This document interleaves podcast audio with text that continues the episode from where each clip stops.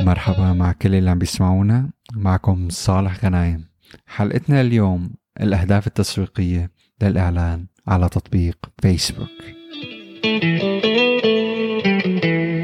قبل الإعلان على تطبيق فيسبوك كتير مهم بالنسبة للمعلن يعرف هدف التجاري للإعلان.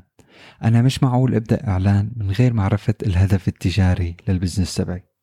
بهاي العملية أنا بقدر صمم استراتيجية تساعدني كتير من خلال التسويق وبتساعدني لأحقق نتائج كبيرة.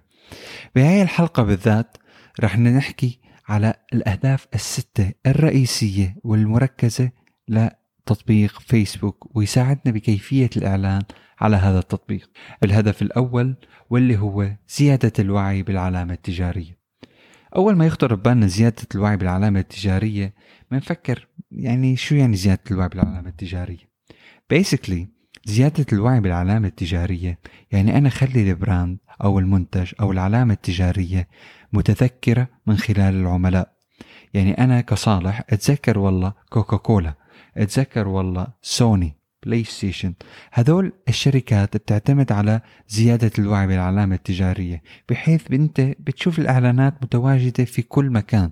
ومثل هيك شركات ما بتعتمد بس على فيسبوك لزيادة الوعي بالعلامة التجارية إنما بتحاول تشغيل قنوات إعلانية أخرى مثل سناب شات تويتر جوجل أو حتى الإعلانات على الطرق.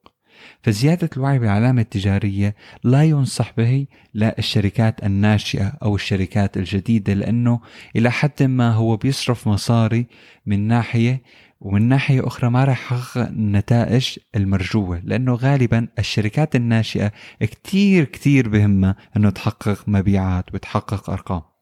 فبالنسبة لزيادة الوعي العلامة التجارية I think واضح بشكل عام بس إذا نحن بدنا نحكي بصورة كتير مبسطة هي بداية الترسيخ وتعزيز التواجد للبزنس على الإنترنت. بالنسبة للهدف الثاني وهي ترويج التطبيق. كتير في شركات بتبدأ بتنزيل تطبيقاتها بس هي لما تعمل التطبيق تبعها كتير بتعاني إنها تلاقي عالم تنزل التطبيق وتستخدمه. على خلاف إذا هذا التطبيق كان تطبيق ناجح أو تطبيق غير ناجح ففيسبوك بيساعدك بشكل كبير بوصول للعملاء المحتملين أنه يستخدموا التطبيق تبعك.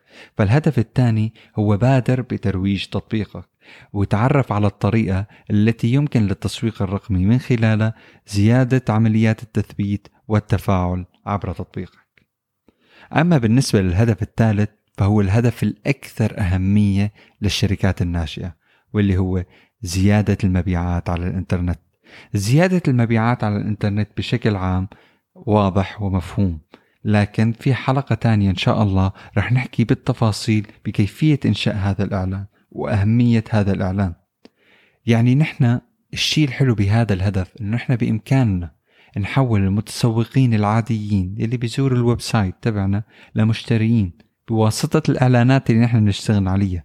وهذا ما بيعتمد بس على الإعلان وكيفية إنشائه لا بالعكس. إنما يعتمد على الكرييتيف الصورة آه، الرسالة الإعلانية المستخدمة.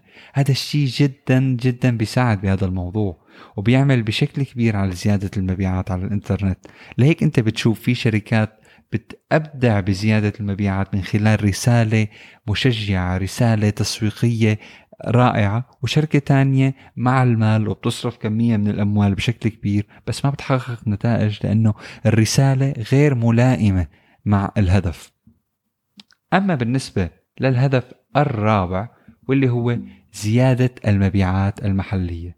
وهذا غالبا مين بيستخدمه هو شركات التجزئة محلات التجزئة اللي مثل فرضا نعطيكم أسماء مثلا شايع Group شلهوب Group اللي عندهم كتير مثل Sephora هدول الشركات كتير بيستفيدوا من هذا الموضوع لأنه بربطوه بعدة نقاط بيع. يعني كيف؟